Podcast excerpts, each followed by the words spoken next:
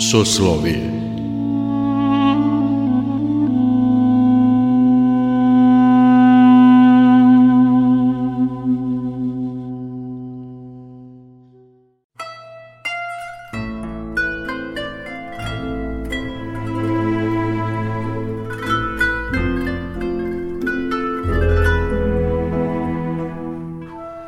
Slušate Soslovije, religijski nedeljnik Radio Novog Sada.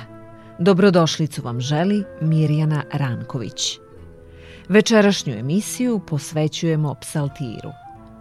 Zašto je psaltir knjiga svih knjiga? O tajni psaltira razgovarali smo sa protoirejem Jovanom Milanovićem, rektorom Karlovačke bogoslovije.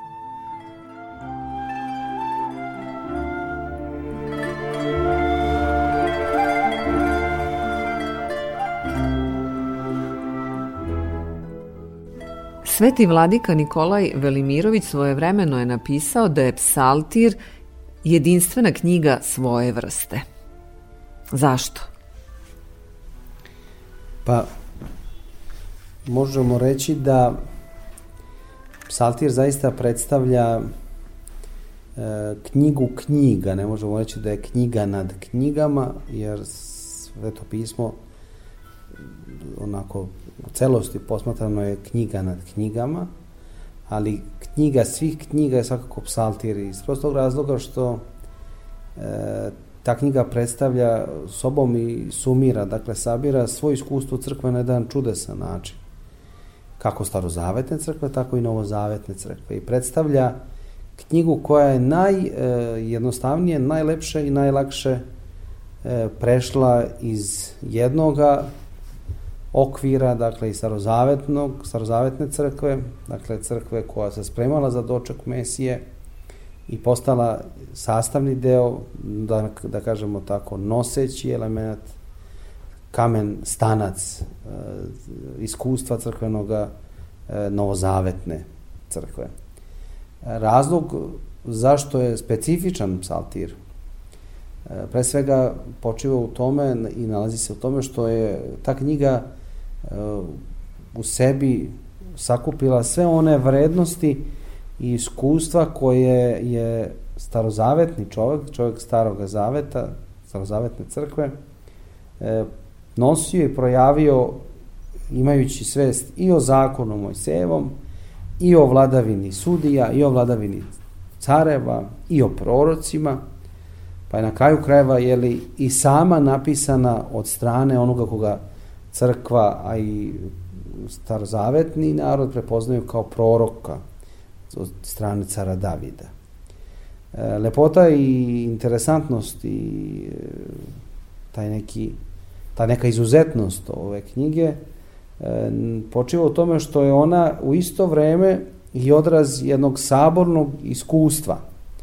Dakle, mi kao što znamo svi danas iz naše perspektive kada uzmemo psaltir u ruke, Pred sobom imamo, uslovno rečeno, zbirku, kako kaže i sam taj grčki naziv, psaltir, što znači psalo pevati, dakle, imamo zbirku pesama, odnosno stihova razdaljenih u 150 kraćih i dužih pesama, psalama, gde se svaki psalam može u isto vreme posmatrati i kao celina za sebe, i kao jedne, deo jedne veće celine i na kraju kao, da kažemo, deo čitavog tog psaltira.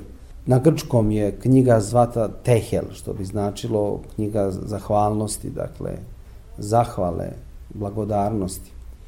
I psaltir e, je u tom smislu tako bio prepoznat od početka njegovog nastanka, dakle iz vremena svetog proroka cara Davida, pa sve do evo naših dana. 150 psalama je u staroj tradiciji, dakle u starom zavetu i delimično kod prvih otaca crkve bio posmatran kao podeljen na pet knjiga, dakle 150 psalama podeljeno na pet knjiga po uzoru na, na peto knjižije Mojsijevo. A onda je crkva prepoznala i podelila psaltir na 20 katizmi, a svaku katizmu na tri antifona.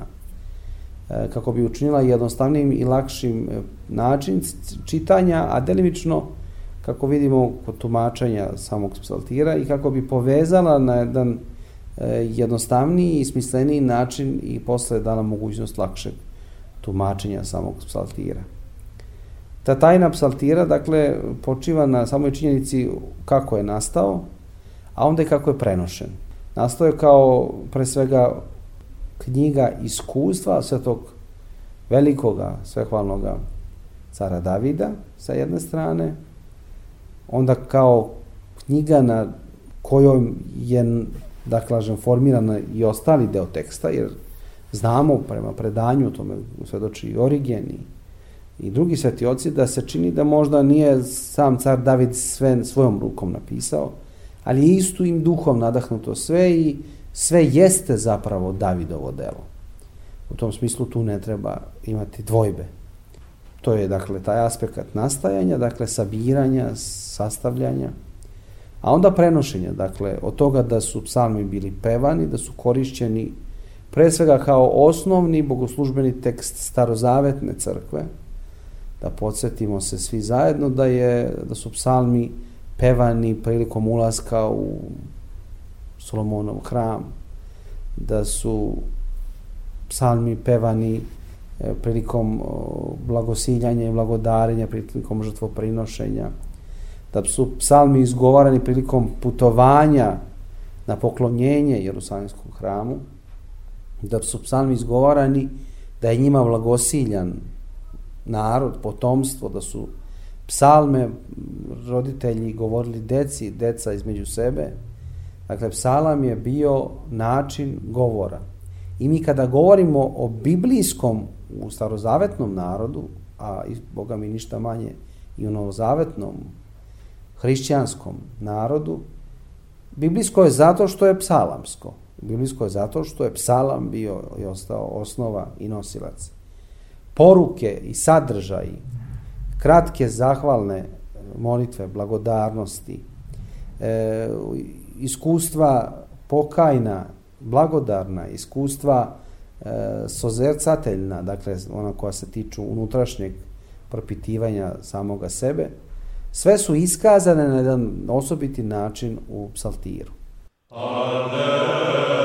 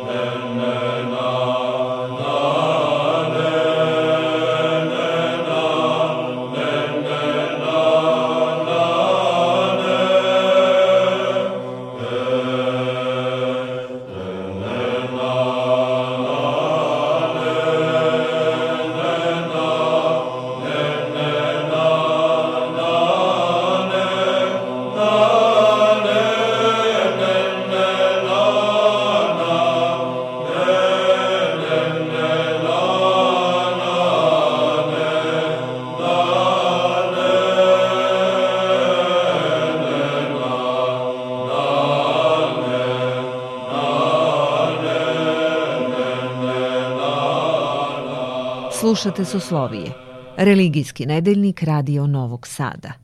Tajnu psaltira odgoneta nam protojerej Jovan Milanović, rektor Karlovačke bogoslovije. U delima apostolskim e, spominje se kako je vršeno hrišćansko bogosluženje i, i tamo recimo imamo opis u, u Miletu kada je sveti apostol Pavle do kasno u noć uznošene su pesme, molitve, pa je onda onaj mladić pao sa prozora pa poginuo, pa ga je apostol Pavle silom vaskosloga Hrista ponovo podigao i darovao go crkvi živog i zdravog. Svedoče o tome da je zapravo hrišćansko bogosluženje već tada imalo neku određenu formu i strukturu. Mi znamo na osnovu zapisa koji su nastali delimično kasnije, pre svega na osnovu zapisa koje nam donose spisi poput Didahija, učenja 12 apostola ili ranih tih poslanica najranijih svetog Ignjatijevog nosca, ali konkretno i nešto kasnije o tome svedoči sveti Jovan Zlatousti u svojoj predivnoj besedi o molitvi, odnosno o psalmima, da su zapravo prvi tekstovi koji su korišćeni iz tog starozavetnog sveštenog opusa biblijskih knjiga, da su to bili psalmi. Ono što je bilo e, bitno i zašto je to tako rađeno, jeste što su psalmi u svojoj biti e, bili u isto vreme i svedočanstvo i nadahnuće crkve da razume tajnu Hrista. Da samo podsjetim sve slušaoce i mi da se zajedno podsjetimo, kada je Hristos ulazi u Jerusalim na praznik cveti, tada se on pozvao na stih psalma e, i sam podsjetio i sve one koji su dobro znali psalme i možemo reći da ih je u tom momentu i razjario i učinio deo tih i takvih već mržnjom zaslepljenih ljudi oko prosveštenika Kajafe i oko prosveštenika Ane, e, citirajući e, stih, negde e, evanđelisti ne govore da je bilo direktno, ali negde se vidi u, u kontekstu u tom, onaj čuveni stih iz usta dece i od ojčadina činio si sebi hvalu, gde u suštini sam Hristos psalme uzima i njima tumači svoju ličnost, odnosno svoju spasensku službu i ulogu i na takav način otkriva i projavljuje tu tajnu e, Bogova ploćenja, odnosno dolaska Božjega u ovaj svet.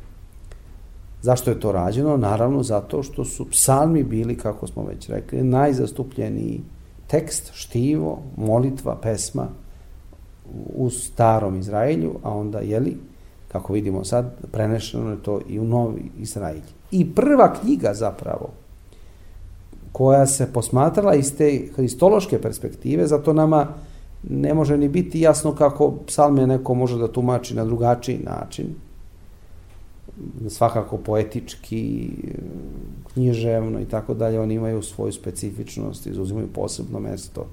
I do dana današnjega su predmet istraživanja i divljenja i tako dalje, ali oni su pre svega tekst koji otkriva tu tajnu dolaska Božjega u ovaj svet. I onda kada u 50. psalmu e, mislimo da isključivo se govori o pokajanju eto, svetog svehvalnog cara Davida. I u tom tekstu zapravo se otkriva tajna Bogova ploćenja. Iz tog razloga e, psalmi će biti osnova na koje će biti formiran bogoslužbeni poredak pravoslavne crkve, a iz istraživačkih radova znamo i ne samo pravoslavne, nego u smislu tada jedinstvene celokupne hrišćanske crkve, crkve Hristove i na istoku i na zapadu, i na severu i na jugu na kraju krajeva. Ne znam zašto stalno pravimo podele samo na istok i na zapad. Psaltir će, dakle, biti korišten po onom principu po kom su ga koristili i starozavetni sveštenici i narod i u kontekstu pevanja, odpevavanja, pevanja i nadpevavanja, pevanja i odgovaranja i psalmi će e, biti okosnica uopšte štiva koje će biti, da kažemo, čitano. Prema radovima koje su radili naši veliki liturzi, da ne kažem liturgičari, vidimo da su zapravo ti psalamski stihovi koje mi znamo e, u crkvi kao prokimene koji se prevaju, pevaju recimo pred početak čitanja e, apostolskog teksta ili e, starozavednog teksta i tako dalje, da je to karakteristika i odlika od najstarijih vremena našeg bogosluženja i da to zapravo predstavlja, nekada je to bilo u mnogo razvijenijoj formi sa mnogo više stihova, da to zapravo predstavlja jedan poredak koji je e, bio okosnica zajedno sa čitanjem toga teksta i posle služenjem Svete Euharistije, bio okosnica e, i sama suština, srž hrišćanskog bogosluženja. Isto tako, na osnovu tih analiza koje, i načina na koji je, posebno sad da se vratimo na hrišćanski istok, odnosno na pravoslavnu crkvu, način na koji su se dešavale te bogoslužbene izmene, da ne kažemo e, prihvatanje jednog tipika, pa onda nakon toga drugog, vidimo kako je zapravo u osnovi i tog takozvanog jerusalimskog tipika, odnosno tipika monaških zajednica u Egiptu, bio psaltir, koji je čitan, stihovi su odgovarani e, i u tom kontekstu tek kasnije, negde posle e, desetog veka, kada je prihvaćena carigradska forma bogoslužbena, koju mi zajedno negujemo i koju čuva do dana današnjega u sveštenome nizu, neprekinutom Sveta Gora Atonska. Psaltir isto tako je zauzimao, da kažemo, određeno mesto, s tim što je za razliku od te razvijene forme koja je postojala u resanskom tipiku, on zauzeo formu obaveznog neprekinutog čitanja kroz čitanje katizmi, odnosno čitanje antifona tih katizmi. Na takav način se e, stvorila jedna opet sveštena tradicija da se u toku redovnih nedelja e, psaltir pročita jednom sedmično u toku samog bogoslužbenog kruga, dakle ako se uzmu večer, deveti čas večernje, jeli povečer i ono što sve čine sastavni deo jednog dnevnog, celodnevnog bogoslužbenog kruga. Odnosno, u toku velikog posta da se psaltir pročita dva puta e, nedeljno. Ta mera je zapravo mera kojom čovek ne samo održava neki liturgijski, liturgički poredak kao takav, nego je zapravo tu reč o meri e, kojom čovek e, meri i diše duhovnim životom. Jer sam psaltir ne može nikada imati nikakvu drugu niti funkciju, niti ulogu, osim one blagoslovene molitvene. I kao dokaz tome, da se vratimo neznatno u 13. vek, odnosno u 12. vek, i da se podsjetimo našeg svetoga Save, koji je blagoslovio da se karejska posnica e, bavi isključivo čitanjem psaltira i to na takav način što će se čitav psaltir pročitati jednom dnevno. Razlog za to jeste svakako što je intenzitet molitve, lepota toga teksta, e, naj, umil, najumilniji vapaj Bogu i što se prilikom čitanja psaltira čovek zaista vraća i dovodi u najprisniju vezu sa, sa, sa samim tvorcem, na takav način spoznajući i sebe i, velič, i svoju malenkost, svoju slabost, a s druge strane spoznajući i veličinu Božiju. I ta tajna tog susreta kroz psaltir sa Bogom je nešto što će krasiti monaške zajednice, evo da kažemo posebno svakako karejsku isposnicu, posnicu, ali i sve manastire u kojima se taj krug čitanja psaltira neprekinuto vrši. Hvala.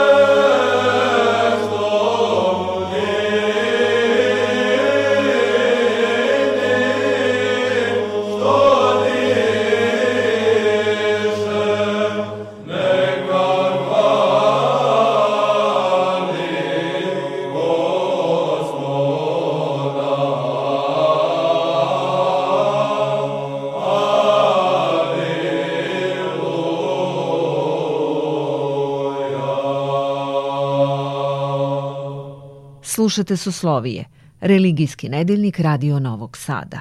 O tajni psaltira govori protojerej Jovan Milanović, rektor Karlovačke bogoslovije. Ono što predstavlja specifičnost psaltira je vezano je i za činjenicu da su tekstovi koji su nastali zaista nastali u jednom molitvenom, živom odnosu susreta Boga i čoveka. Pa bilo da su oni zahvalni, da zajedno sa psalmopevcom kličemo uznosiću te gospode i Bože moj i hvalit ću ime Tvoje do veka i uvek veka, svakoga dana blagosiljaću te, ili da zajedno sa psalmopevcom Davidom kličemo pomiluj me Bože po velikoj milosti svoje po, množe, po mnoštvu milosti za svog očistive zakonje moje, ili opet da kažemo u krajnjem smirenju i krajnjoj slabosti kličemo e, zašto, Bože moj, Bože moj, zašto si me ostavio? Dakle, u svim tim tekstovima i kroz sve te rečenice, kroz sav taj vapaj čovekove duše, otkriva se ta dinamika tog susreta i odnosa. I ona je duboko istinski unutrašnja. A ono što je bitno, da mi izbegavamo te e, lažne psihologizacije i lažne uh, iskrenosti, dopustit ćete mi tako da kažem, koje su u savremenom svetu jako prisutne. Pogledamo samo šta se na televizoru može videti, e, o kakvoj vrsti iskrenosti, ogoljene, bestijalne, e, erotizovane, ne znam nija kakve možemo govoriti. Ovde se u psalmima osvećenim lepim jezikom, jezikom koji koriste i koji su koristili milioni ljudi, e, govori i otkriva ta tajna Boga i susreta Boga i čoveka, a pritom, ono što je opet jako bitno, to je tajna susreta u istini. Dakle, istiniti Bog, otaca naših, Avrama, Isaka i Jakova, Bog oca našega Davida, proroka, a onda ta istiniti Bog koji je došao u svet i postao čovek i koji se preko naših otaca, evo, spomenutog svetoga Save, pa da spomenemo iz svete apostole i tako dalje, nama javlja i otkriva kroz taj osvećeni svešteni tekst i nas upućuje u to da budemo istiniti, da budemo, stojimo istini. Dakle, ovdje se ne radi o nekom aksiološkom momentu, dakle o tome da mi utvrdimo i definitivno potvrdimo šta je istinito, nego da živimo u istini. Dakle, ovde se ne radi o spekulativnom nekom sad mislenom procesu, pa sad treba da utvrdimo to, nego se radi da sam psaltir nas uvodi u istinu i postavlja nas u odnos sa Bogom. A onda u takvoj istini, u takvom odnosu, sve ono što je suvišno nestaje. Nestaju traume, nestaju psihoze, nestaju nervoze, nestaju nepotrebne misli i ono što je bitno, kroz sve to se čoveku daruje rasuđivanje. U vreme u kom mi živimo, u kom je istina takođe postala neka vrsta jednog proizvoda na tržištu, koje može da se kupi za ovoliko ili onoliko, Psaltir zaista predstavlja moment, taj samo čitanje psaltira, učestvovanje u čitanju psaltira i razmišljanje psaltirom predstavlja moment istinskog otražnjenja i darovanje onoga što zaista jeste rasuđivanje, a to je svest o tome šta jeste, a šta nije. Odnosno, šta je dobro i šta nije dobro, odnosno šta je zlo. U svetu u kom mi živimo, gde su sve vrednosti postavljene na, isti, na istu ravan, i gde je čak i nepoželjno konstatovati da li je nešto zlo, jer i ono mora, ima pravo da postoji, zamjela Boga. E, psaltir je zaista jedno veliko osveženje i uvek će tako i biti. Dakle, radi se o jednoj knjizi koja je sve isceliteljska i koja čoveka postavlja na pravo mesto u pravo vreme i daje mu mogućnost da bez mnogo svoga umovanja odgovori i na svoje unutrašnje izazove i probleme i isto tako da psaltirom odgovori na izazove i probleme oko sebe i kod drugih ljudi. Zato čitanje psaltira predstavlja jednu od najtežih, da kažemo, podvi, jedan od najtežih podviga u crkvenom iskustvu. Jer psaltir ne može da razume onaj ko ne shvata i ne prihvata postojanje Boga. Psaltir neće nikada moći da prihvati i čita onaj koji nije sebe uputio u pravcu poznanja Boga. I psaltir neće nikada moći da, da otkriva, čak i da prođe ova dva prve etape, onaj koji nije spreman da u pokajanju i smirenju hodi Božim putem. Zato će knjiga Psaltir, kako je to govorio, vrlo vešto, ali u kontekstu celog svetog pisma, Blaženi Jeronim, e, biti u isto vreme knjiga u kojoj će se i najveći među nama udaviti, a oni slabi i mali preplivati i naći spasani na drugoj strani obale života. Psaltir je zato bitan i zato on predstavlja jedan, možemo slobodno reći, duhovni prostor koji kada prihvatimo, e, grlimo božansku stvarnost. E, na našu, da kažem, žalost, mi smo došli do toga da smo psatir u poslednja vremena bili totalno izbrisani i da on nije imao svoje mesto u životu hrišćana pravoslavnih, posebno u našem narodu. Razlog je svakako ovaj o kom smo govorili, dakle, da nerazumljivost i nerazumevanje psaltira e, počiva na činjenici da nismo svoje srce zagrejali i okrenuli ga ka Bogu. Naravno, to nije ništa ni strašno, ni, ni, ni problematično po sebi, dokle god je čovjek živi svako jutro kada ustane, kako o tome govori Sveti Grigorije Palama, predstavlja novi zalog i zamajac za pokajanje i za, za, za spasenje.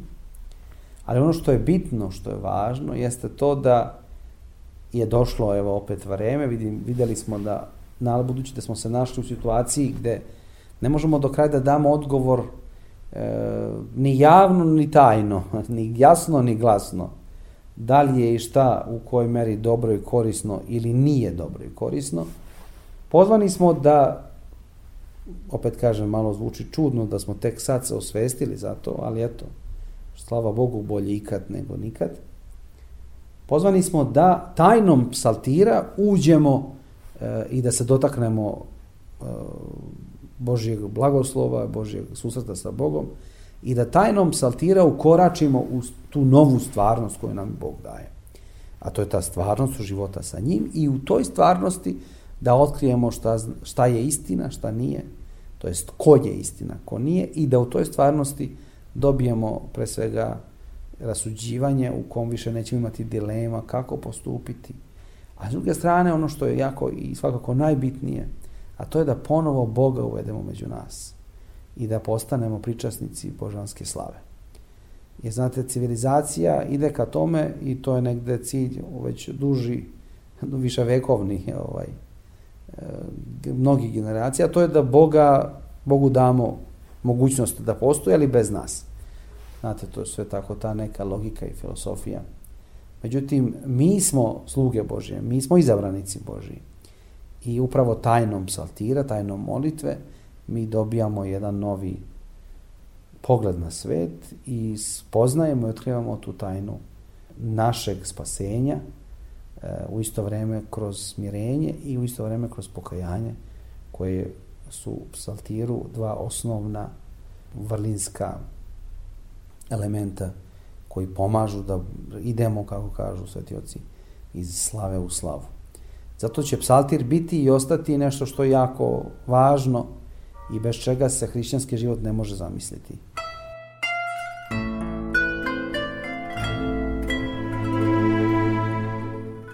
Gost Soslovija bio je protojerej Jovan Milanović, rektor Karlovačke bogoslovije.